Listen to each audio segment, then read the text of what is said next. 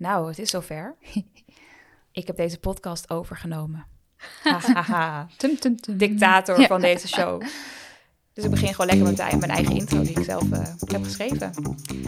Terwijl beleidsmakers zeuren over haalbaar en betaalbaar, ondervinden wij als jongeren de gevolgen van een haperend klimaatbeleid. Met jonge experts bespreken we het nieuws op het gebied van duurzaamheid, klimaat en energie. Zijn wij de laatste generatie mensen op een leefbare aarde? Of juist de laatste generatie die nog iets kan veranderen? Mijn naam is Danne Schuler en voor deze keer ben ik jullie host. Ja, helaas moest Maxje last minute ziek naar huis, dus ik neem deze aflevering even van haar over. Eh, en ik zei net dat ik daar blij mee was, maar eigenlijk eh, kan ik niet wachten tot ik dit weer lekker aan haar kan overlaten. Dus Maxje, als je het luistert, kom alsjeblieft snel terug. Ehm, vandaag zit ik aan tafel met eh Nicky Trip en Robin Beentjes. Nicky, allereerst jij. Ehm, jij hebt de afgelopen jaren echt van alles gedaan op het gebied van duurzaamheid. Je was Mhm. voorzitter van Studenten voor Morgen, eh heb je verdiept in het vergroenen van pensioenen en bent oprichter van het initiatief Stem op een Jongere. Wat houdt je nu vooral bezig? Nou, in deze tijden eh, ben ik veel bezig met stem op een jongeren, want de gemeenteraadsverkiezingen komen er alweer aan. De meeste mensen hebben zich er nog niet in verdiept en dat is oké, onze campagne komt eraan. Maar op 16 maart eh, is het weer stemmen geblazen en dan op lokaal niveau, dus eh, daar ben ik heel druk mee om dat allemaal voor te bereiden. Spannend, goede inleiding is dit. Ja, verder hebben we nog Robin. Jij bent ons tweede panellid vandaag. Ehm, jij bent onder meer voorzitter van Klimaat- en Energiekoepel, oftewel KEK. Ja. Kun je aan ons eh, uitleggen wat het is? Eh, ja, ik hoop het. Ehm, nou ja, Kek is, een, eh, is ooit begonnen om jongeren stem te geven aan de klimaatakkoord. Het is een aantal jaar geleden. En inmiddels zijn we uitgegroeid tot een groep van een netwerk van 800 young professionals. Die nou ja, werkzaam zijn in de landbouwsector tot aan de ele- elektriciteitssector. En het idee is dat we nou, ook leuk borrelen, maar ook kennis uitwisselen om zo de- onze eigen organisaties te, te vergroenen. Ja, precies. En eigen organisatie, dat zijn de, alle organisaties van deze deelnemers eigenlijk. Ja. Dus de, echt inderdaad van, eh, van Shell en KLM tot de, tot de zonne-energie, eh, zonneparkbouwers. Dus Ja. echt heel, heel divers. Ja. Heel gaaf. En merk je dat het ook steeds groter wordt? Want hoe lang ben je nu al bij KEK? Eh, ja, ik ben nu bijna twee jaar bij KEK. Nou ja, we, we doen eigenlijk niet zoveel aan promotie. Het staat, staat eh, elk jaar wel weer op de to-do-lijst. Maar eh, eh, er komen elke week nog steeds weer nieuwe ambassadeurs bij, zoals we dat eh, noemen. Dus inderdaad nu meer dan 800. Dus dat eh, Ja, ja. gaat wel goed. heel Ja. gaaf. Ehm, ja, we gaan verder naar, eh, wat, naar, naar het nieuws. En eigenlijk een hot topic deze maand waar we het nog niet over hebben gehad, eh, is de EU-taxonomie. Oftewel de EU Taxonomy Regulation. en daar was de afgelopen weken weer heel veel ophef over. Daar gaan we het zo over hebben. Maar eerst, Nicky, misschien kun jij kort uitleggen wat eh, deze taxonomie precies inhoudt. Zeker. Eh, ja, het houdt eh, de gemoederen bezig in de financiële sector, want daar heeft het eh, vooral veel impact. Of in ieder geval, daar moet het veel positieve impact gaan hebben. De taxonomie, het taxonomie is een soort van klassificatiesysteem, ehm, is op Europees niveau, dus vanuit de Europese Commissie, een, ehm, ja, je kan het eigenlijk zien als twee lijsten, met een groene lijst met alle investeringen of eigenlijk economische activiteiten waar je bijvoorbeeld in kan investeren, ehm, die bijdragen aan EU-klimaatdoelen. En je hebt dan een andere lijst eh, met de niet duurzame economische activiteiten, die dus niet bijdragen aan die EU-klimaatdoelen. En eh, dat zijn er een paar, namelijk zes. En ik zal ze even voor jullie opnoemen, semi uit mijn hoofd, eh, maar ik spreek een klein beetje. Dat is namelijk klimaatmitigatie, dus het verminderen van hè, een negatieve klimaatverandering impact. Klim- klimaatadaptatie, eh, duurzaam gebruik eh, en bescherming van water- en zeeleven. Transitie naar de circulaire economie. En preventie en bestrijding van vervuiling. Oh ja, en de bescherming eh, van biodiversiteit en ecosystemen. En die, die economische activiteiten, daar, dat is vooral interessant voor investeerders. Om te weten, investeer ik in iets wat bijdraagt in die doelen of niet? En het is heel zwart-wit dus eigenlijk ook. Ja, precies. Ja, eigenlijk heel, een best wel simpele klassificatie. Waarin gewoon heel duidelijk, of nou ja, daar gaan we het zo over hebben. Ja, simpel is inderdaad een, een interessant woord om hiervoor te gebruiken. Want ze hebben hier heel lang over gedaan om al tot deze lijst te komen. Nee, en dan zijn er nog dingen die eh, lastig zijn. Het idee was ooit dat het een mooi simpel lijstje zou worden natuurlijk. Maar toen, eh, En toen was het toen werd steeds kwamen de ingewikkelder. onderhandelingen. Ja. precies. Nee, dan misschien niet simpel, maar eerder... ehm, ze proberen het in twee lijstjes onder te verdelen. Ja. Ja, duidelijk. En ehm, er worden ook steeds voorstellen gedaan om dan weer een wijziging of misschien een aanvulling uh, te leveren. En ik, ehm, ja, eentje daarvan die ligt nu op tafel en daar is dus heel veel ophef over. Namelijk om gas- en kernenergie ook als groen uh, of als duurzaam uh, te bestempelen. Dus in dat lijstje van duurzaam te plaatsen. Ik ben even in de website van de Europese Commissie gedoken. En daar stond het volgende over het doel van de taxonomie. Dat vond ik wel interessant. dat is namelijk It should create security for investors, protect private investors from greenwashing, help companies to become more climate friendly, mitigate market fragmentation and help shift, help shift investments where they are most needed. En dat vond ik interessant, want toen dacht ik, en dit is ook wel echt waar de discussie over gaat, uh, is het labelen van kernenergie en vooral gas niet ook een vorm van groenwassen of greenwashing? Nou ja, we hebben dat een paar keer genoemd al, maar misschien eerst even belangrijk om uit te leggen wat het is. Misschien Robin? Enlighten us. Wat is greenwashing? Uh, ja, volgens mij is greenwashing eigenlijk jezelf mooier voordoen dan, dan, dan je bent eigenlijk. Dus uh, je hebt een mooie slogan of een mooie campagne. Uh, maar eigenlijk is het maar een heel klein onderdeel van wat je echt doet. Dus je doet het natuurlijk wel. je hebt, er zijn heel veel voorbeelden van. dus je, het, het, is niet gelogen, maar het is maar echt zo'n klein deel dat je het eigenlijk uh, een beetje flauw is om te noemen. En je hebt het volgens mij greenwashing, maar je hebt het natuurlijk ook over diversiteit en inclusie. En je hebt het op heel veel verschillende manieren waarin bedrijven of landen zich beter voordoen, denk ik. Ja, precies. Nikki, heb je nog iets aan te vullen? Uh, nee, daar ben ik het zeker wel mee eens. Uh, en het interessante hier is het dan niet misschien dat de Europese Unie zich beter doet, voordoet of de Europese Commissie zich beter voordoet, maar ze greenwashen dus echt gas- en kernenergie door ze op dat groene lijstje te zetten. Dus die twee economische activiteiten worden op deze manier ja, groen gewassen, uh, waardoor uh, mensen die daar investeren, of institutionele investeerders, dus bijvoorbeeld pensioenfondsen of verzekeraars of banken, grote investeerders, die daar dan investeren, zichzelf een schouderklopje kunnen geven en zeggen: hey, zijn wij even goed bezig? Uh, of bijvoorbeeld ook in hun marketing weer kunnen meenemen. Bijvoorbeeld 80% van onze investeringen zijn duurzaam. Nou, dat is bijna niemand, zover is het helaas nog echt niet. Um, maar dat zouden ze dan dus kunnen zeggen als daar best wel veel in die investeringen ook gas en kern zit. of kernenergie. Ja, precies. Ja, dus eigenlijk zeggen ze uh, die, um, ja, die 10% die bedrijven dan misschien groen doen en de rest is niet groen. Op het moment dat zij nu in gas investeren, dan wordt dat ook gewoon als uh, groen gezien. Dus dan kunnen ze zeggen, ja, maar we investeren ook nog uh, 10% in gascentrales. Dus nou, 20% is groen. Um, ja, en daar is ook wel gewoon daar, dat, wij zijn niet de enige die hier kritiek op hebben. Nee, dus inderdaad het voorstel van de EU om die op de groene lijst te zetten... Uh, komt ook natuurlijk omdat het heel zwart-wit is.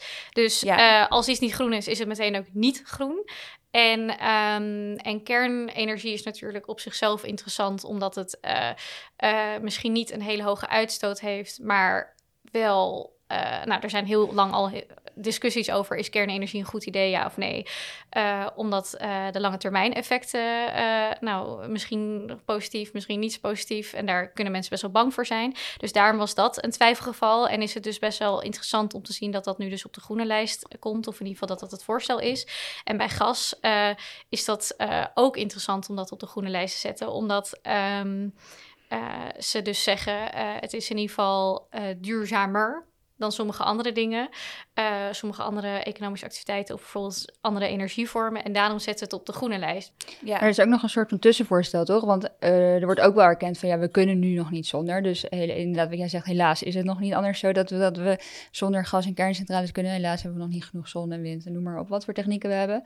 Um, dus er, is, kan, er wordt ook gesproken over een soort van oranje categorie, de, de, de, transitiefase, waarin we dus bijvoorbeeld tot 2030 bepaalde dingen wel toestaan, maar dat het daarna afgebouwd moet worden.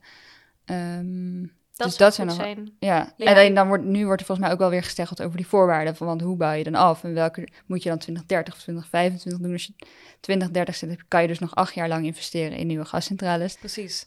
Ja, maar het is natuurlijk, de vraag is ook, um, want ja, zijn er, wat, wat, was inderdaad de reden voor de EU om dit zo te, te besluiten? Dat had natuurlijk ook te maken met dat bijvoorbeeld in Oost-Europa uh, er nog heel veel steenkolencentrales zijn. En dan is een gascentrale een duurzamere optie. Dus je wilt ook alle landen van de EU meekrijgen.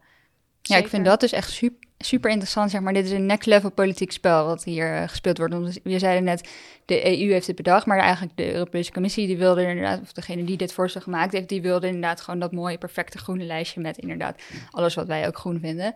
Ehm, maar Frankrijk zit met name nog op nucleaire energie en Duitsland samen met Oost-Europa zit op gas. En toen kwam volgens mij een beetje, of nee, niet volgens mij, toen kwam de onderhandeling Ja. van de ene wilde nucleair erop en toen kwam Duitsland weer, maar dan willen wij gas er ook op, want anders zijn wij, eh, gaan wij meteen eh, financieel eh, ten onder. Ja, want er zijn ook nog heel veel kolencentrales in Duitsland. Ja. ja En dus nou ja, die twee kampen en in Nederlandse politiek wordt er ook wel een beetje over gesproken, maar het staat een beetje buiten spel denk ik in deze discussie.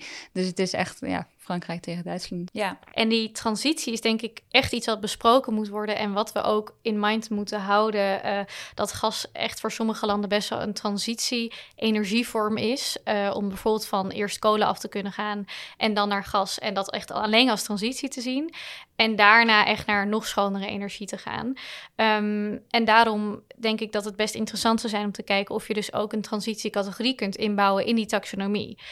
Maar ehm, ze zijn al heel lang in discussie over die zwart-wit. Eh, eh, dat dat eh, groen en niet groen. Ehm, en nou, er zijn zoveel experts aan te pas gekomen, zoveel politieke praatjes, zoveel landen die daar hun plasje overheen wilden doen. En dan is het eindelijk zover. En dan ineens is het, ja, misschien moeten we toch ook een oranje categorie ertussenin.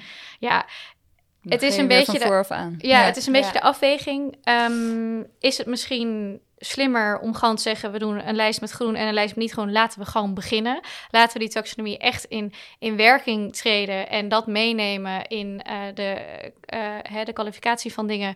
En dan, ehm, dan kijken we later wel of we nog iets transitie willen toevoegen. Want nu houdt het een beetje het hele proces tegen... omdat hier nu weer heel lang over gediscussieerd gaat worden... en nou, allemaal gedoe. Ehm, of zeggen we, we willen het eerst helemaal perfect maken en dan dus ook nog een transitielijst toevoegen. Maar dat duurt heel lang. Hebben we misschien, hem, is er meer baat bij gewoon heel snel gaan en niet perfect? Of willen we het helemaal perfect uitwerken dat iedereen er tevreden mee is en dat we ook een hele transitielijst gaan opstellen met allemaal voorwaarden die daar weer bij komen? En dan heel lang wachten, want het carbonbudget is straks gewoon een keer op. Eh, en het zou heel stom zijn als we dan steeds niet begonnen zijn met taxonomie. maar zou je dan zeggen dat het juist misschien wel een goed idee is om gas en kernenergie nog op het groene lijstje te zetten? Nou, ik zou in ieder geval zeggen, ehm, wat het ook wordt, maak in ieder geval snel de beslissing. Want ik, Ja. ik, ik, we, gaan, we gaan niet nog jaren hierop wachten. Eh, daar hebben we zo geen tijd voor. En ik denk ook dat het echt aan onze generaties om te laten zien, we hebben hier gewoon geen tijd voor. en tuurlijk heb ik hier mijn voorkeur in. Ja, ben je het met me eens, Ja. toch? Ja. Kijk, ik heb mijn voorkeur wel dat ik zou zeggen, maak of een transitielijst, hele duidelijke basic voorwaarden, niet veel te ingewikkeld met allemaal komma's en allemaal andere puntjes erbij. Of laat het dan nu heel even op de groene lijst staan en ga er dan later verder over. Maar laat hem verder in ieder geval wel de taxonomie al in werking treden en gaat in ieder geval al toepassen. Want er komen ook nog allemaal dingen omhoog als je het gaat toepassen. Er gaan er ook nog allemaal dingen eh, waar mensen tegenaan lopen of landen tegenaan lopen omhoog komen, die we ook nog moeten fixen voordat het echt een goed werkend model is. Dus wat mij betreft is snelheid eigenlijk het allerbelangrijkste. Ja, ja. ja, het is grappig. Ik las eh, hier een artikel in de, die tijd over, een Duitse krant. En daar zei inderdaad eh, de fractievoorzitter van de FDP, wat een, de liberale partij is, die zei van ja, zonder als, als we gas niet in deze taxonomie eh, als groen eh, zien, dan, dan hebben we gewoon nog steeds kolencentrales in 2030. Maar genoeg andere experts hebben nu eigenlijk, en ook deze week weer, gezegd: we vinden dit geen goed idee, want uiteindelijk gaat er daardoor niks veranderen, verandert er juist niet genoeg. Ehm, het is een heel ingewikkelde discussie. Ja, je geeft Ja. ook weer toe aan bepaalde landen. Dus dat, Precies. dat, dat, dat is natuurlijk het lastige van hè, Europa, Europese Unie. We moeten het toch allemaal met z'n allen doen. Ehm, maar sommige landen hebben wel meer invloed dan andere. En hierin zie je dat inderdaad eh, bijvoorbeeld Duitsland eh, met hun lobby voor gas heel sterk is geweest. En ook heeft gezegd van hè, anders gaan we niet meedoen of anders vinden wij het niet een goede taxonomie eh, als gas niet op dat groene lijstje komt. En dan is dat toch rot dat dat dan weer zoveel invloed heeft. dat Maar- hij het dan weer stal of weet het, langzamer laat gaan voor iedereen. Eh, ja. Ja. Frankrijk heeft volgens mij inderdaad ook een week, week van tevoren gezegd... wij ondertekenen niet als, als kernenergie. Ja, dus dat, Zoveel alle- politieke hoog spel. Ja. Ja, ja. Aan de andere kant kun je ook zeggen dat, eh, ja, als het wel gewoon snel zo, of zeg maar, als ze wel zouden zeggen, nee, gas en kernenergie niet op dat lijstje, dan heeft het ook vooral heel veel nadelige effecten voor landen die dus sowieso een minder grote stem hebben in de EU. Want in de EU hebben dus inderdaad Duitsland, Frankrijk, die West-Europese landen heel vaak een grote stem. Ehm, maar Oost-Europa wordt, dat is natuurlijk een, een algemeen probleem, wordt heel vaak een beetje aan de kant eh, geduwd. Dus die hebben er uiteindelijk ook gewoon last van. En die kunnen misschien ook zeggen van ja, maar dit kunnen wij gewoon niet. Dus denk ik wel nog een categorie. Het zou natuurlijk ook kunnen zijn dat we inderdaad door... Ik ben helemaal voor de snelheid en laten we het maar gaan doen... eh, met een groen lijstje of een transitielijstje. Of een soort van lijst waar we nog even niet aankomen... maar we kijken wel wat we ermee doen. En dat bedrijven en onder druk van... nou ja, misschien de mensen hier aan tafel... maar misschien nog heel veel anderen... eh, de bedrijven zelf keuzes nemen die wel groen zijn. Dus inderdaad op basis van ja, eigen intrinsieke motivatie. Ja, ja. En een van de argumenten die ik ook wel interessant vond is... zullen we alleen dingen op het groene lijst zetten die iedereen groen vindt? Ehm, en eh, dan zijn we het in ieder geval allemaal mee eens. Dus dan gas niet en nucleair niet, of dus kernenergie niet. Dan zijn we het in ieder geval allemaal mee eens. En dat vind ik op zich een heel goed argument. Dan hebben we echt gewoon een ultieme groen lijstje... wat echt allemaal echt goede groene economische activiteiten zijn. Maar ja, wat je dan dus hebt is dat bepaalde landen zeggen... ja, hier doen we dan niet meer aan mee. eh, omdat het dan voor ons niet helemaal werkt of niet helemaal goed uitkomt. En dat vind ik zo balen. Eh, want ik vind het op zich een heel mooi idee om echt een puur zang groen lijstje te hebben. Wat echt, waar iedereen het over eens is. In plaats van dingen die discutabel zijn. Maar ja. Ja, ik denk wel wat jij net ook zei, dat volgens mij heel frustrerend dat mm, met name dat het er heel lang onderhandeld is over dit, over dit lijstje en dat het dan eigenlijk lijkt alsof je dus een aantal jaar terug in de tijd gaat. Dus dan ook al, als je, als je dat accepteert, dus dat er een groen lijstje komt, dan heb je dus eigenlijk heel veel werk gedaan voor eh, ja, weinig, want je hebt hetzelfde resultaat. Ja, ja, precies. Ja, ik las ook nog ergens, eh, dat was volgens mij de ehm, VBDO-directeur. Ja, Vereniging voor Beleggers van Duurzame Ontwikkeling. Ehm, Angelique Laskewitz heet zij. Eh, die zei ook van, ja, weet je, aardgas en de kernenergie, dat kennen we al. Laten we gewoon met iets nieuws komen. En nieuwe alternatieven. En dat kan ook. En dan zou je inderdaad kunnen zeggen, laten we dan een heel, een, een, een, een prachtig groen lijstje maken. Waar we ook gewoon alternatieven laten zien van wat dus ook kan en wat misschien wel mogelijk is voor landen die nog kolencentrales hebben en die zeggen ja, eh, een gascentrale is voor ons gewoon wel makkelijk. Ehm bied dan misschien een alternatief van ja, maar hey, misschien is dit net zo makkelijk als een, als een gascentrale bouwen. Ja, Ja. en ik denk dat je altijd transitiepijn gaat hebben. Dus we moeten, omdat we er allemaal zo ontzettend lang over hebben gedaan. eh, en dan kijk ik ook echt juist vooral naar het rijke Westen. Van jeetje, wat heeft het allemaal lang geduurd. Terwijl de middelen er gewoon zijn. Ehm, nu moeten we heel snel. En dat betekent dat je soms wat stappen moet overslaan. Of eh, wat landen moet meetrekken. eh, waar wat transitiepijn gaat ontstaan. Maar anders hebben we straks allemaal zitten met de penarie. En is Nederland helemaal ondergelopen. En nou, allerlei andere problemen. Dus transitiepijn, omdat we het nu zo snel moeten gaan doen, is ook al niet meer te voorkomen. Want dat carbon budget, dus hoeveel CO2 we mogen uitstoten om onder anderhalve graden te blijven, nou, daar zitten we tussen 8 tot 10 jaar zijn we daar overheen als we zo doorgaan.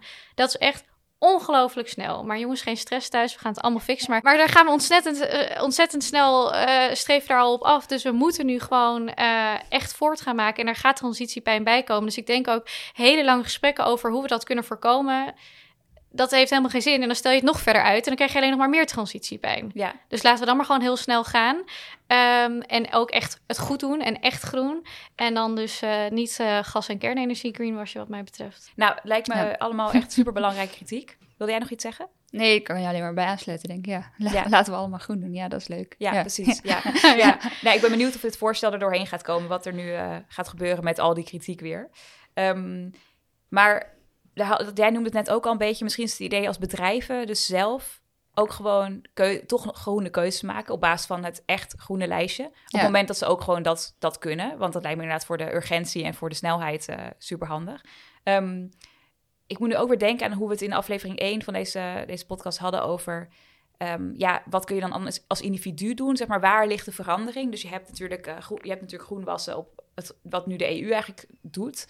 Maar bedrijven blijven dit ook gewoon nog steeds doen op een Ja. ander niveau.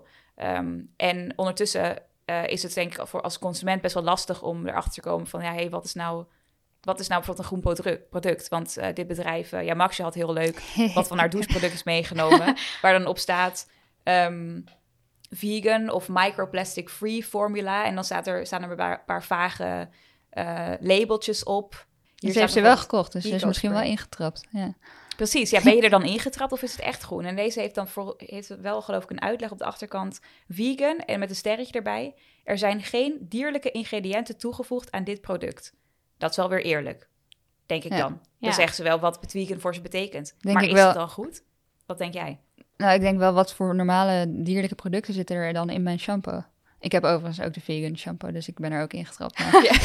dus ik weet niet wat erin zit. Maar... Ja, maar is dat erin trappen? Want wanneer is het groen wassen? Nou ja, hebben het net over gehad. Maar, wat, zeg maar hoe, hoe, hoe, hoe herken je dat? Ja, ik denk wel dat het lastig is om als consument dit inderdaad te weten. Want je staat toch zelf ook in de supermarkt en dan denk je, hier wordt het wel door ge- genudged. Of ge- ge- Ja, ja, je wordt er zeker door beïnvloed. ja, Ja. door beïnvloed. Ik dat een mooi Nederlands eh, nudge, ja. Eh, maar inderdaad ook bij de kleding. Ja, je hebt er volgens mij H&M ook die een hele conscious lijn, lijn heeft. Terwijl ja, ik kan eigenlijk nergens uit opmaken of dat nou echt het geval is. Ja, je hoort natuurlijk wel van die grote bedrijven dat dat niet helemaal eh, eh, goed is. En goede werkomstandigheden en dat soort dingen.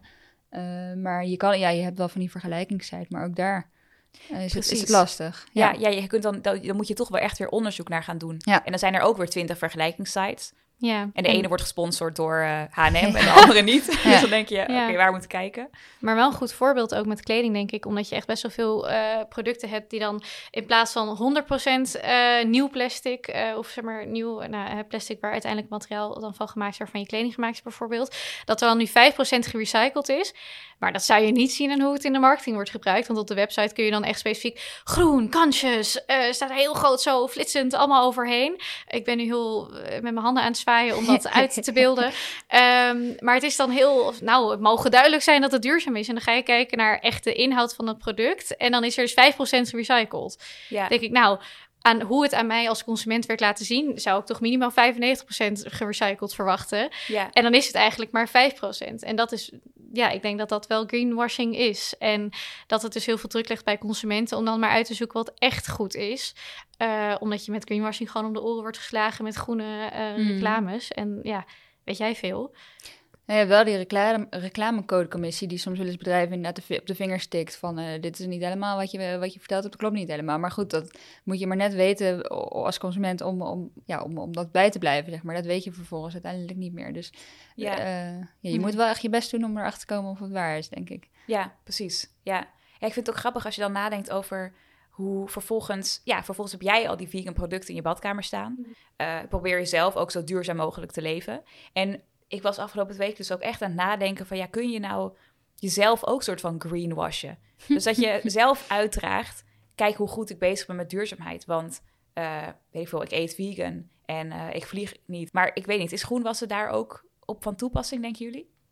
Nou, ik denk misschien, het ligt er een beetje aan of je jezelf ook eh, market, of je zeg maar marketing toepast op jezelf. Ja, Dus bijvoorbeeld sommige bekende mensen, zij zijn hun eigen product, zeg maar. Dus hun naam, zij als persoon zijn een product. Ehm, en als je dat probeert te verkopen, dus aan klanten, dus bijvoorbeeld aan een televisieprogramma wat jij wil presenteren, en je verkoopt jezelf daar soort van aan, hè, jouw dienst, en dat ben jij dan zelf.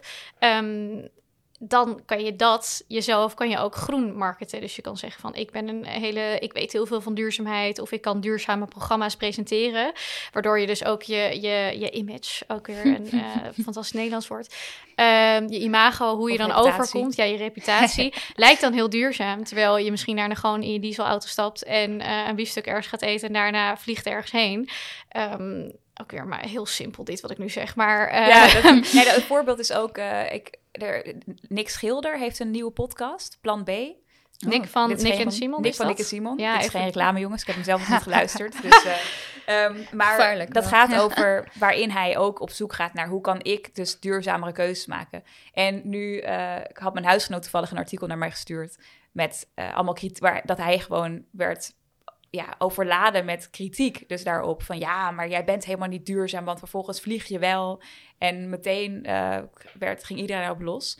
Dus dat is wel een beetje zo'n voorbeeld inderdaad. Of Ja. Leonardo DiCaprio doet volgens mij ook heel veel. eh, Precies, of Zac Efron heeft een hele serie op Netflix eh, over duurzaamheid. En daar gaat hij allerlei dingen ont- ontdekken. En hoe, hoe mooi de natuur is en zo. Maar dan, en hoe je weer helemaal connected naar, in nature. da, da, da. En daarna gaat hij weer in zijn villa in L.A. wonen. Als je zelf echt een merk bent en, eh, en je op die manier echt reputatie probeert te greenwashen... denk ik zeker dat je als persoon ook kunt greenwashen. Maar Ja. is Leonardo DiCaprio dus niet goed? Is dit nou echt even mijn, eh, mijn idool die eh, gebroken wordt? Nee, dat zou ik echt niet willen zeggen. Maar... Geen idee.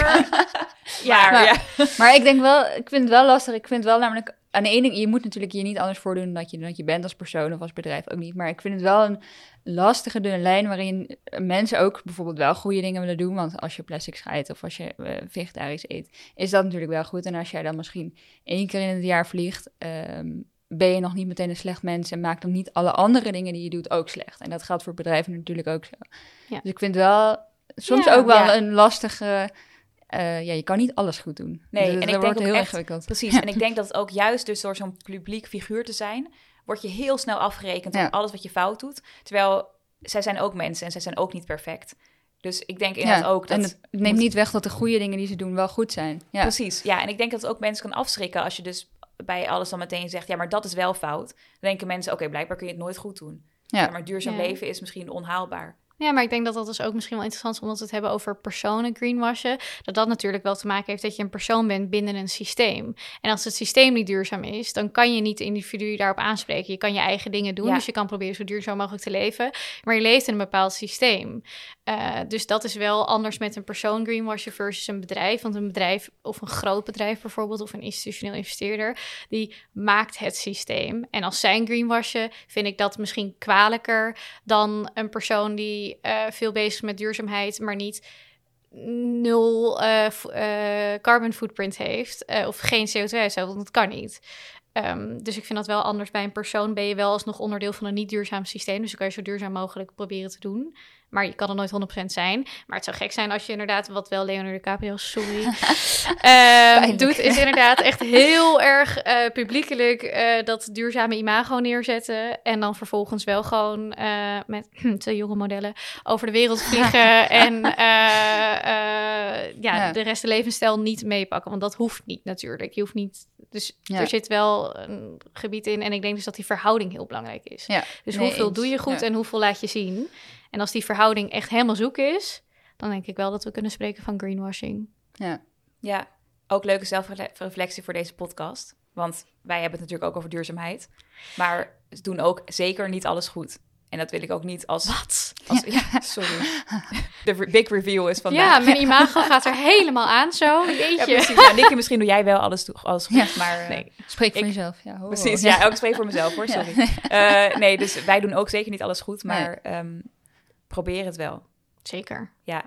Ehm, Ja. Misschien mooi om daarmee af te sluiten. ehm, dat groen wassen, dat het, het, het is, we komen altijd weer terug op dezelfde conclusie. Het is een systeem, maar het is ook het individu. Moeten we allemaal aan bijdragen.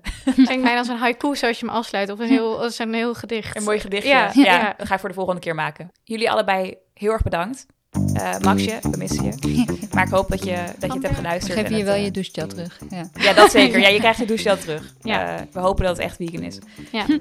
Dit was De Laatste Generatie. De podcast die pas stopt als het niet meer nodig is. Wil je ook je stem laten horen en reageren? Dat kan door een mail te sturen naar sanne.tertium.nl. Bedankt jullie allebei. Deze podcast werd gemaakt door Tertium, redactie Sanne Schuler, logo Sebastian Beaujon en Carla ten Katen, muziek Elians Productions en tot de volgende keer. Dat was hem. Ik twijfel of ik ook niet dankjewel moest zeggen. Ja, je mag dankjewel zeggen. Dankjewel. Ja, ook dankjewel. Ja.